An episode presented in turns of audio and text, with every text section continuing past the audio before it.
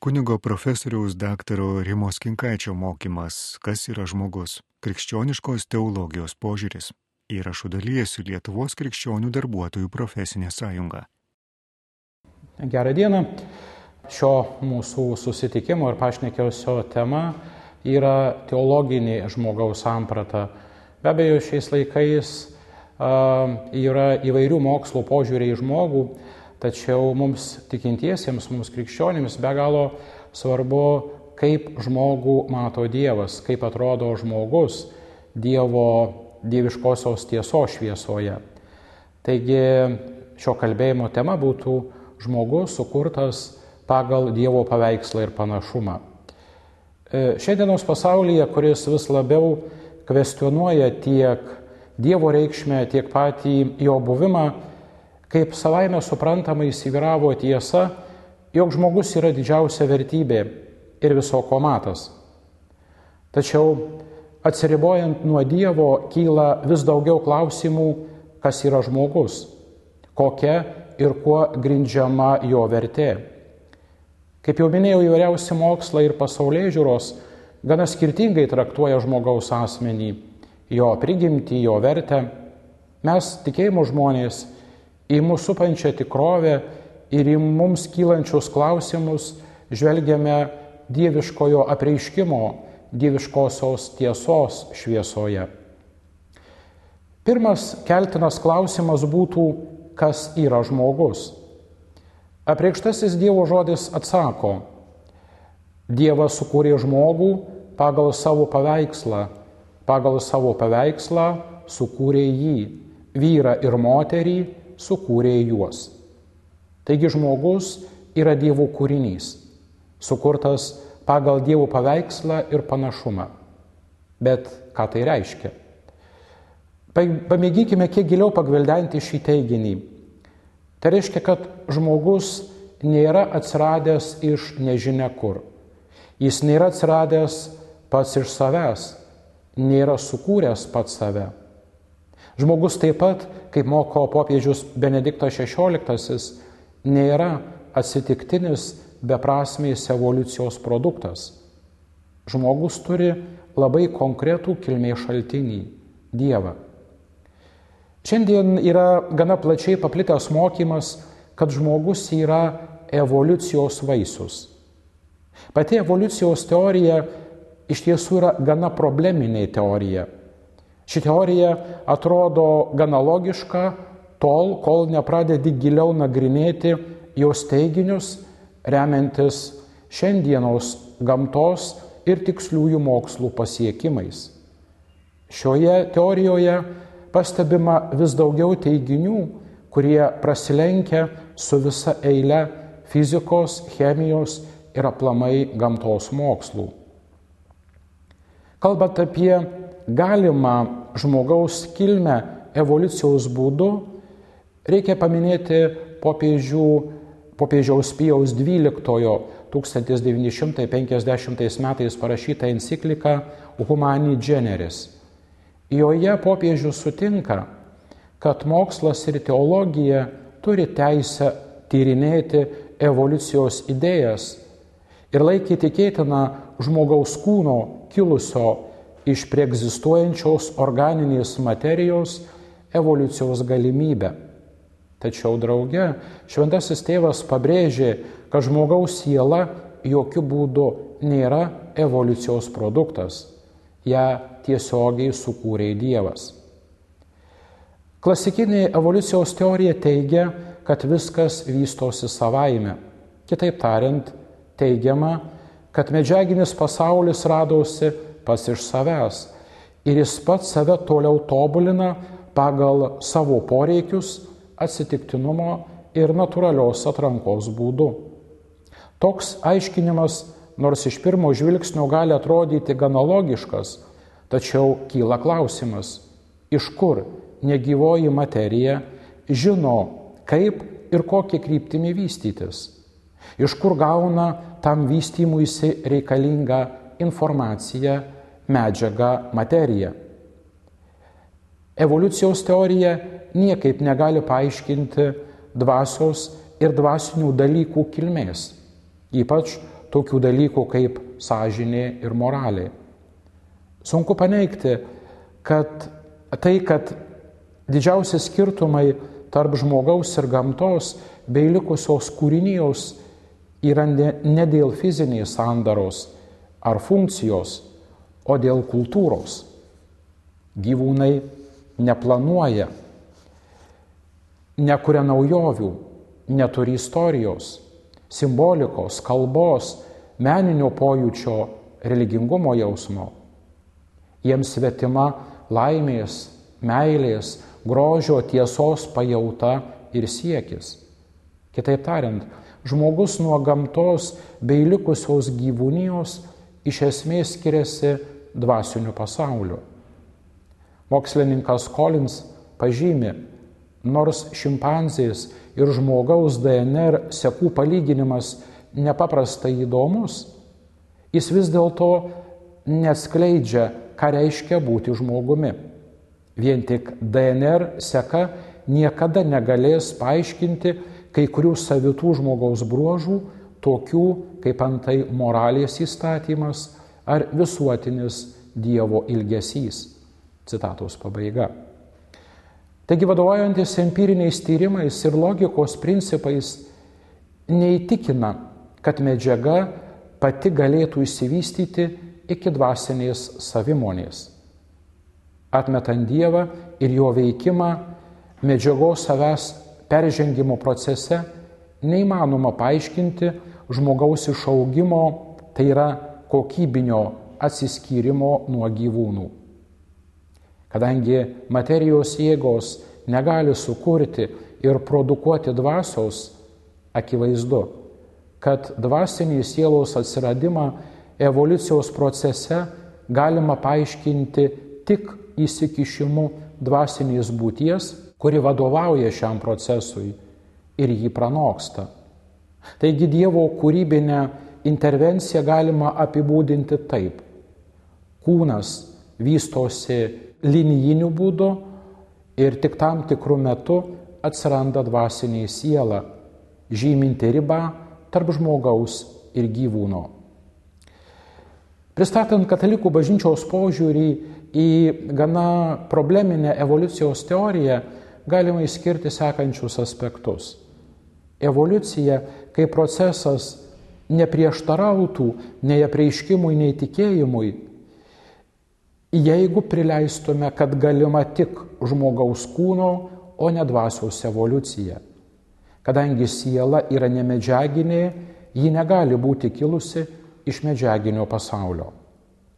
Evoliucija negali būti savaiminis procesas, kurio varomoji jėga būtų aklas atsitiktinumas ir natūralioji atranka.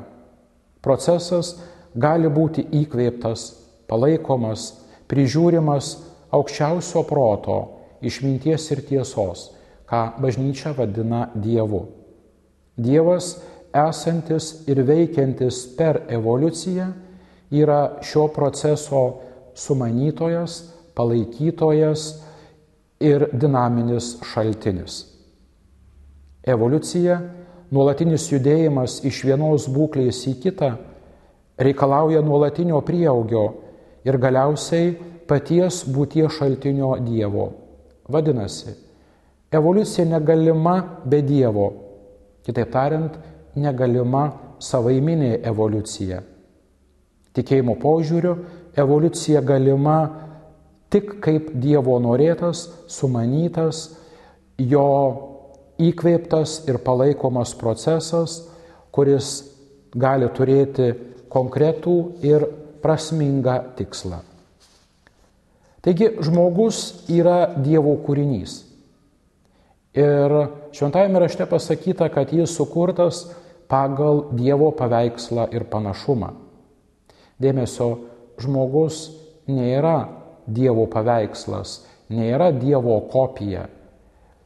Jis yra sukurtas pagal Dievo paveikslą. Tai kasgi yra paveikslas? Ogi jo dieviškasis sūnus Apaštalas Paulius labai aiškiai teigia, kad tik Kristus yra tikrasis Dievo paveikslas. Paulius rašo, jis yra neregimojo Dievo atvaizdas. Ta kalba, kuria parašyta šventraštis, tai yra graikų kalba, naudojama žodis oikonos, ikona. Kaip sako vienas iš bažnyčios tėvų, šventasis Irenėjus, Dievas tėvas, kurdama žmogų prieš akis, kaip pavyzdį, turėjo ateityje žmogumi tapsančio savo sūnaus Jėzaus Kristaus paveikslą. Taigi mes esame sukurti pagal Jėzaus Kristaus paveikslą. O panašus į Dievą esame tam tikrais bruožais ir savybėmis. Kokiais? Visų pirma, tik žmogus vienintelis iš visų kūrinių geba atpažinti laimę, meilę, tiesą, grožį, teisingumą, laisvę, meilę ir tų dalykų siekti. Joks kitas kūrinys, joks gyvūnas neieško tiesos, nekovoja už teisingumą, nekuria grožio ir panašiai. Vienintelis žmogus pasižymi kūrybiškumu ir turėdamas gebėjimą kurti, tampa Dievo bendradarbiu, tobulinant, gražinant pasaulį. Kitas svarbus žmogaus artumo Dievo aspektas yra tai, kad žmogus vienintelis gali užmėgsti santykį su Dievu ir jį puoselėti. Iš visų regimų kūrinių vien tik žmogus įstengia pažinti ir mylėti kūrėją. Ir jis yra vienintelis kūrinys žemėje, kurio Dievas norėjo dėl jo paties. Žmogus vienas yra pašauktas pažinimu ir meilę dalyvauti Dievo gyvenime. Šiam tikslui žmogus yra sukurtas ir toks yra esminis žmogaus kilnumo pagrindas. Visą tai reiškia, kad žmogus yra Dievo norėtas ir kiekvienas žmogus šiame pasaulyje nėra atsiradęs atsitiktinai ar per klaidą. Kiekvieno žmogaus Dievas norėjo, kad jį padarytų savo dieviškojo gyvenimo dalininku. Todėl Čia yra atsakymas į prasmės klausimą. Kartai žmonės mano, kad jų gyvenimas beprasmis. Ir štai Dievo žodis labai aiškiai sako, jeigu Dievas to žmogaus norėjo ir jis atsirado šiame pasaulyje, jo buvimas turi prasme. Galbūt žmonės tos prasmės nesupranta ir pats žmogus jos net pažįsta, bet jeigu jis yra šiame pasaulyje, reiškia Dievui jis rūpėjo, Dievas jo norėjo. Tačiau vienas iš turbūt pačių svarbiausių dieviškumo bruožų yra tai, kad tik žmogus gali turėti santykį su Dievu ir tas santykis lemia žmogaus išliekamumą ir gyvenimą anapus mirties. Tas santykis tradiciškai klasikiniai teologijoje yra vadinamas nemirtinga siela. Tai labai aiškiai ir labai gražiai tiksliai nusako kardinolas Ratzingeris.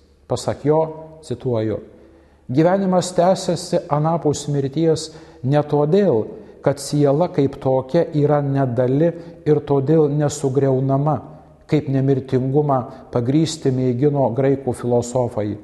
Žmogų nemirtingu padaro santykis. Žmogus kaip kūrinys savo esme yra sukurtas pagal paveikslą Dievo, kuris yra treibė, santykis. Taigi žmogus yra sukurtas pagal treibės paveikslą, o treibės asmenys gyvena santykyje. Vadinasi, žmogus yra kilęs iš santykio ir pašauktas santykiui su kūrėju. Žmogus yra kūrinys, kurio esmė yra matyti ir įsilieti į Dievo gyvenimą.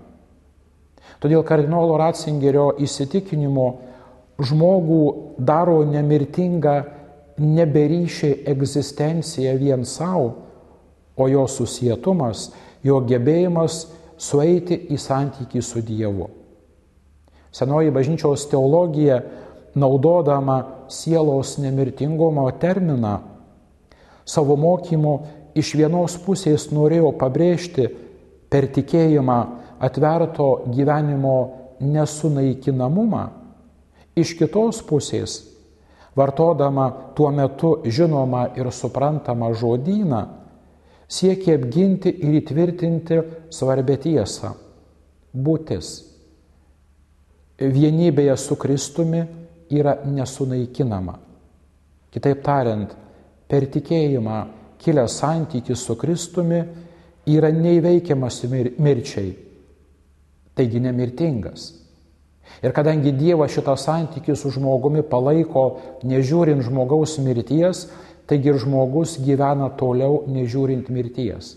Tokiu būdu tas Dievo į žmogų nukreiptas santykis lemia žmogaus amžinumą, išliekamumą, jo atgimimą mirtyje.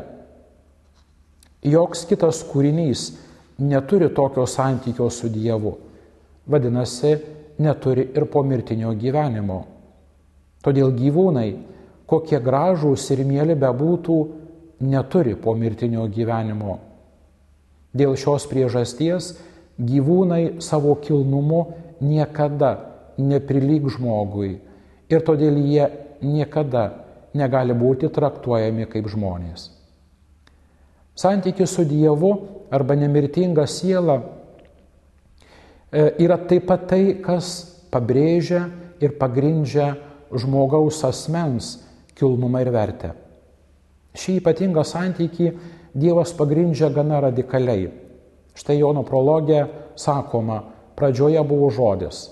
Ta žodis buvo pas Dievą ir žodis buvo Dievas. Ta žodis tapo kūnu ir gyveno tarp mūsų. Jono Evangelijos pirmas skyrius, pirma keturiolikta eilutės. Vertime į lietuvių kalbą tačiau nerašoma, kad Dievas įsikūnydamas susitapatino su žmogumi, tik kad apsigyveno greta jo. Tačiau originale graikų kalba nedviprasmiškai parašyta kai ologos sarks egeneto kai enksarmenon ein umin. Tai reiškia, Dievas apsigyveno ne su mumis ar greta mūsų, o mumyse. Tai labai keičia esmę. Šį teiginį tiksliai perduoda ir lotiniškasis vertimas et verbum caro factum est et habitabit in nobis. Tad įsikūnydamas Dievas ne tik prisėmė žmogaus kūną ir tapo dar vienu žmogumi greta daugybės kitų, bet per medžiaginį kūną susivienijo su visa žmonija bei kūniškai apsigyveno kiekviename žmoguje. Dievo susitapatinimas su žmogumi patvirtina ir Sauliaus atsivertimo istorija. Saulių vykstantį suimti krikščionių, prisikėlęs Jėzus užkalbina, Sauliau, Sauliau, kodėl mane persekioji. Tačiau Saulis nepersekiojo Jėzaus, jo niekada nebuvo nei sutikęs, nei matęs akise. Saulius persekiojo krikščionis, persekiojo žmonės. Jėzus galėjo pasakyti, Sauliau, kodėl persekioji mano žmonės, arba Sauliau, kodėl skriaudi mano draugus, kodėl žudai krikščionis. Ir vis dėlto Jėzus persekiojamuoju įvardina save. Taip Kristus leidžia suprasti, kad jis yra žmoguje, gyvena žmoguje. Jėzaus susitapatinama su žmogumi, jo kūne ypač iškalbingai paliudyja paskutiniojo teismo scena kur išganimas ar pasmerkimas priklauso nuo to, kas gera ar bloga buvo padaryta žmogui. Šiuo atveju visa leminti tiesa yra tokia. Kiek kartų tai padarėte vienam iš mažiausių mano brolių, man padarėte. Ir kiek kartų to nepadarėte vienam iš mažiausių mano brolių, nei man nepadarėte. Vadinasi, visa tai, kas padaroma žmogui, padaroma Dievui. Jeigu tu padedi žmogui, užjauti, parodai jam pagarbą, dėmesį, tu visą tai parodai Dievui. Bet jeigu tu skriaudi, žemini, menkini, tyčiojasi iš žmogaus, visą tai darai ir Dievui. O visa tai, kas daroma Dievui, turi lemiamą reikšmę amžinajam žmogaus likimui. Vadinasi, Dievo susitavatinimas su žmogumi suteikia žmogaus asmeniui ypatingą orumą ir išskirtinę vertę. Ir tai jau nebepriklauso nuo to, ką apie žmogų mano kitas žmogus, kaip žmogų traktuoja e, vienokie ir kitokie asmenys, vienos ar kitos valdžios, institucijos, parlamentai, teismai, žmogaus orumą ir jo vertę pagrindžia Dievo apsigyvenimas ir pasilikimas žmoguje. Kitas svarbus akcentas, liudijantis žmogaus dvasinio prado buvimą žmoguje ir tuo pat metu pagrindžiantis jo orumą, yra šventosios dvasios buvimas žmoguje. Tai vėl liudija paštalas Paulius laiškė korintiečiams. Ar nežinote, kad jūs esate Dievo šventykla ir jumyse gyvena Dievo dvasia? Jei kas Dievo šventyklą niokoja, tą Dievas suniokos, nes Dievo šventykla šventa ir toji šventykla tai jūs. Kitoje vietoje Paulius rašo, ar nežinote, kad jūsų kūnas yra šventykla jumyse gyvenančios šventosios dvasios, kurią gavote iš Dievo ir kad jūs nebepriklausote patys savo. Visi šie argumentai akivaizdžiai byloja, kad žmogaus, apie žmogaus gyvybės bei viso žmogaus asmens sakralumą ir neliečiamumą. Todėl žmogaus gyvybė yra šventa ir neliečiama. Dėl šių priežasčių abortas, eutanazija laikomi žmogaus nužudymu. Šiandien girdisi vis daugiau balsų, kurie pateisina abortą ir eutanaziją, kad tai neva žmogaus pasirinkimo, kad tai yra jo teisė. Tačiau Dievo žodis, dieviškoji tiesa labai aiškiai sako, tai yra blogis. Kodėl? Visų pirma, žmogus yra Dievo kūrinys ir joks žmogus neturi teisės naikinti tai, kas yra ne jo sukurta. Antra, Dievas leisdamas ateiti žmogui į šį pasaulį, aiškiai sako, jog nori, kad šis tik prasidėjo žmogus gyventų ir turėtų ateitį. Abortu žmogus užsimoja keisti Dievo planą ir sunaikinti kitą žmogų kaip nereikalingą kaip perteklinį, kaip problemą. Todėl pasikeisinimas į žmogaus gyvybę bet kokią formą - atvira žmogžudystė, abortas, eutanazija ar panašiai - yra pasikeisinimas ne vien tik į žmogaus orumą, bet tai pasikeisinimas ir prieš patį Dievą. Iš viso to, kas pasakyta, galima suprasti, kad žmogus yra nedalomas kūno ir sielos vienis. Žmogaus asmuo, sukurtas pagal Dievo paveikslą, yra draugė ir kūninė, ir dvasinė būtybė. Biblinėme pasakojime ta tikrovė išreiškiama simbolinė kalba tvirtinant, kad Dievas sukūrė žmogų iš žemės dulkių ir įkvėpė jam į nosį gyvybės alsavimą. Taip žmogus tapo gyva būtybė. Tai reiškia, kad Dievas norėjo viso žmogaus. Todėl žmogus negali būti traktuojamas dualistiškai, nuvertinant kūną arba sielą, sureikšminant kūno ar sielos poreikius. Ir čia pat reikia pastebėti, jog negalima sakyti, kad žmogus turi kūną ar turi sielą, kaip kokius keičiamus daiktus ar savybės žmogus yra kūnas ir siela. Yra kūno ir sielos nedaloma vienovė. Todėl tiek žmogaus kūnas, tiek siela yra vienodai kilnus. Nei vieno iš jų negalima nepaisyti, nei vieno iš jų negalima nuvertinti ar nurašyti, nei vieno iš jų nereikia sumenkinti. Grįžtant prie pradžios knygos, verta prisiminti tai, kad žmogus yra ne tik Dievo kūrinys, bet ir lytiniai būtis.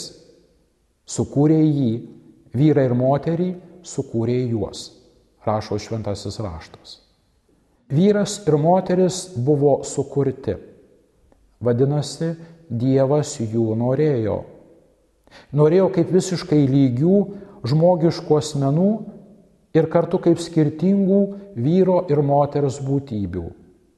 Būti vyru, būti moterimi yra gera. Ir to norėjo Dievas. Vyro ir moters kilnumas netimamas ir duotas yra paties Dievo kaip kurėjo. Sukurti pagal Dievo paveikslą yra abu - vyras ir moteris. Jie yra vienodai kilnūs. Savaja vyro ir moters būtimi jie atspindi kurėjo išmintį ir gerumą. Šis šventraščio tekstas labai aiškiai byloja, kad lytiškumas yra Dievo dovana. O tai reiškia, kad tai yra prigimtinis dalykas. Šiandien įvairios ideologijos mėgina klaidingai aiškinti, kad lytiškumas, tai yra buvimas vyru ar moterimi, nėra prigimtinis dalykas, nėra objektyvi, nuo žmogaus nepriklausanti duotybė, o tai neva socialinis konstruktas, o žmogus, nežiūrint savo fizinės tapatybės, dar nebūtinai turi būti laikomas vyru ar moterimi. Biologinis kūnas dar neva nereiškia lytinės tapatybės. Kai kam atrodo, kad nesvarbu, kuo gimiai - berniuko ar mergaitė, kas tu esi iš tiesų ir kuo tu būsi, apsprendžia pats žmogus, vėliau pasirinkdamas ir įvardindamas savo lytinę tapatybę. Kitaip tariant, kai kam atrodo, kad lytiškumas yra pasirenkamas dalykas, suformuojamas, o ne prigimties nulemta duotybė.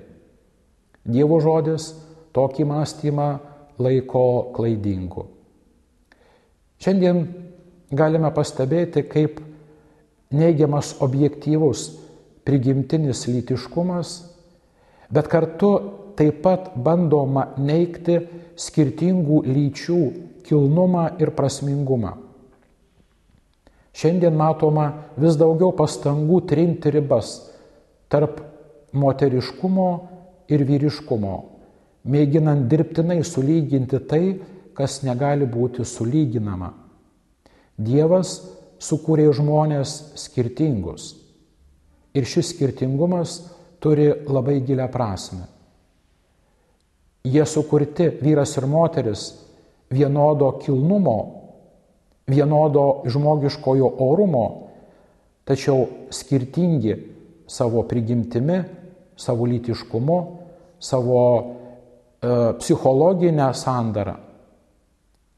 Vyro ir moters sukurtų drauge Dievas norėjo kaip vieno kitam, kaip vieno dėl kito. Šventasis raštas todėl tvirtina, kad vyras ir moteris sukurti vienas kitam. Negera žmogui būti vienam, rašo šventas raštas. Moteris, kūnas iš vyro kūno, tai yra vyrui lygi, visai jam artima. Yra Dievo duota bendrininkė atstovauti Dievą, kuris ateina žmogui pagalba. Todėl vėlgi šventasis raštas rašo, Vyras palieka savo tėvą ir motiną ir glausis prie žmonos ir jie taps vienu kūnu. Taigi jie jau nebe du, o vienas kūnas. Tad tai reiškia neišardoma jų dviejų gyvenimo vienybė. Joks gyvis negali būti tinkamas bendrininkas žmogui. Joks gyvūnas negali nei atstoti, nei pakeisti žmogaus. Vyras ir moteris yra sukurti vienas kitam ne todėl, kad Dievas juos būtų sukūręs nepilnus ar vadinamas puseles, kad reikėtų sujungti į vieną. Jis juos sukūrė asmenų bendrystei, kuriai esant jie vienas kitą galėtų praturtinti, papildyti galėtų pagelbėti. Negana to, Dievas vienas kitam sukurtų žmonės sujungė santuokos ryšiu. Santuoka Dievas juos sujungia taip, kad tapdami vienu kūnu jie galėtų ne tik tai dvasiškai praturtinti vienas kitą ir padaryti vienas kitą laimingesniu, bet taip pat, kad galėtų perduoti ir žmogišką gyvybę. Viešpas labai aiškiai juos įpareigoja - būkite vaisingi ir dauginkitės, pripildykite žemę. Perdodami gyvybę savo palikonims, vyras ir moteris, sutuoktiniai ir tėvai ypatingai kilniu būdu tampa kurėjo bendradarbiais, gyvybės žemėje platintojais. Tėvystė ir motinystė yra įspūdingas Dievo pašaukimas būti Dievo bendradarbiais, plečiant žmonių giminę Dievo duotame pasaulyje. Todėl svarbu pastebėti, kad lytiškumas yra ne tik vyro ar moters meilę stiprinanti dovana, bet taip pat ir prokreacijos šaltinis. Lytiškumas yra tai, kas stiprina meilę bei sukilnina ją, suteikdamas meiliai vaisingumo. Lytiškumas duoda meiliai prasmingo vaisingumo. Prokreacijai yra būdingas seksualinio potraukio tikslas kuris kartu teikia vyro ir moters asmenims medžiagą meiliai. Prokreacijos dovana tai meilės vaisingumo ženklas. Kitaip tariant, lytiškumas nėra tik biologinis instrumentas žmonėms daugintis, bet tai dieviškos meilės perdavimo ir skleidimo priemonė. Tai reiškia, kad Dievas per tėvų prokreacinį meilės aktą, kuri negali būti susiaurinta vieni iki biologinės dimensijos, prisideda prie naujo žmogaus kaip asmens ugdymo meilės dvasia. Todėl Dievas lytiškumą mato kaip kilnę dovaną. Ir liūdna, kad šiandien lytiškumas yra suvulgarintas, subanalintas, nuvertintas, suprimityvintas ir nupigintas. Jis neatspindi gana dažnai to kilnumo, kurį Dievas suteikė žmogaus lytiniai tapatybei. Iš viso to, kas pasakyta, akivaizdu, kad lytiškumas veikia visą žmogų - jo kūną, jo dvasę, ypač jo jausmus, gali mylėti ir gimdyti Kitaip tariant, bendresnė prasme gebėjimą užmėgsti bendrystės ryšį su kitu žmogumi. Kiekvienas žmogus, vyras ar moteris, turi pripažinti savo lytinę tapatybę ir ją priimti. Ne kaip naštą, kaip malonę, kaip dovaną, kaip unikalumą. Fiziniai, moraliniai, dvasiniai skirtumai ir vienas kito papildomumas skirti santokos labui ir šeimos gyvenimui praturtinti. Abiejų sutuoktinių ir visuomenės darna iš dalies priklauso nuo to, kaip vyras ir moteris vienas kitą papildo, kiek yra vienas kito reikalingi ir kiek yra atrama vienas kitam. Būdami vieno kilnumo, dviejų lyčių asmenys, nors ir skirtingų būdų, Jie yra Dievo galybės ir švelnios meilės paveikslai. Santuokinė vyro ir moters vienybė tarsi kūniškai vaizduoja ir atspindi Dievo kurėjo dosnumą ir vaisingumą. Vyras paliks tėvą ir motiną ir glausis prie žmonos, jie taps vienu kūnu. Iš tos vienybės kyla ir visos naujos žmonijos kartos.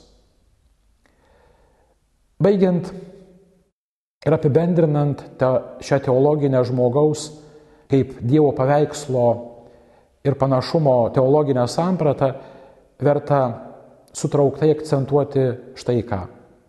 Pirmiausiai, žmogus yra sukurtas pagal Dievo paveikslą. Ta prasme, kad jis yra pajėgus laisvai pažinti ir mylėti savo kūrėją. Tai vienintelis žemėje kūrinys, kurio Dievas norėjo dėl jo paties ir kurį pašaukė pažinimu ir meilę dalyvauti dieviškajame gyvenime. Kadangi žmogus yra sukurtas pagal Dievo paveikslą, jam būdingas asmens kilnumas. Jis nedaiktas, bet asmuo, gebantis save pažinti, laisvai atiduoti save ir užmėgsti bendrystę su Dievu ir su kitais asmenimis. Dievas sukūrė visą žmogui, o žmogus yra sukurtas, kad pažintų Dievą, tarnautų jam ir mylėtų jį, kad šiame pasaulyje su dėkingumu aukotų Dievui kūrinyje ir būtų išaukštintas gyvenimui su juo danguje. Tik įsikūnijusio žodžio slėpinyje, Jėzuje Kristuje, tikrai paaiškėja, kas yra žmogus.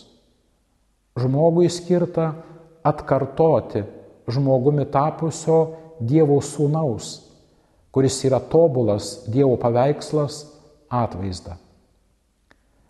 Žmogaus asmuo yra kūninė ir kartu dvasinė būtybė. Dvasia ir medžiaga žmoguje sudaro vieną nedalomą prigimtį.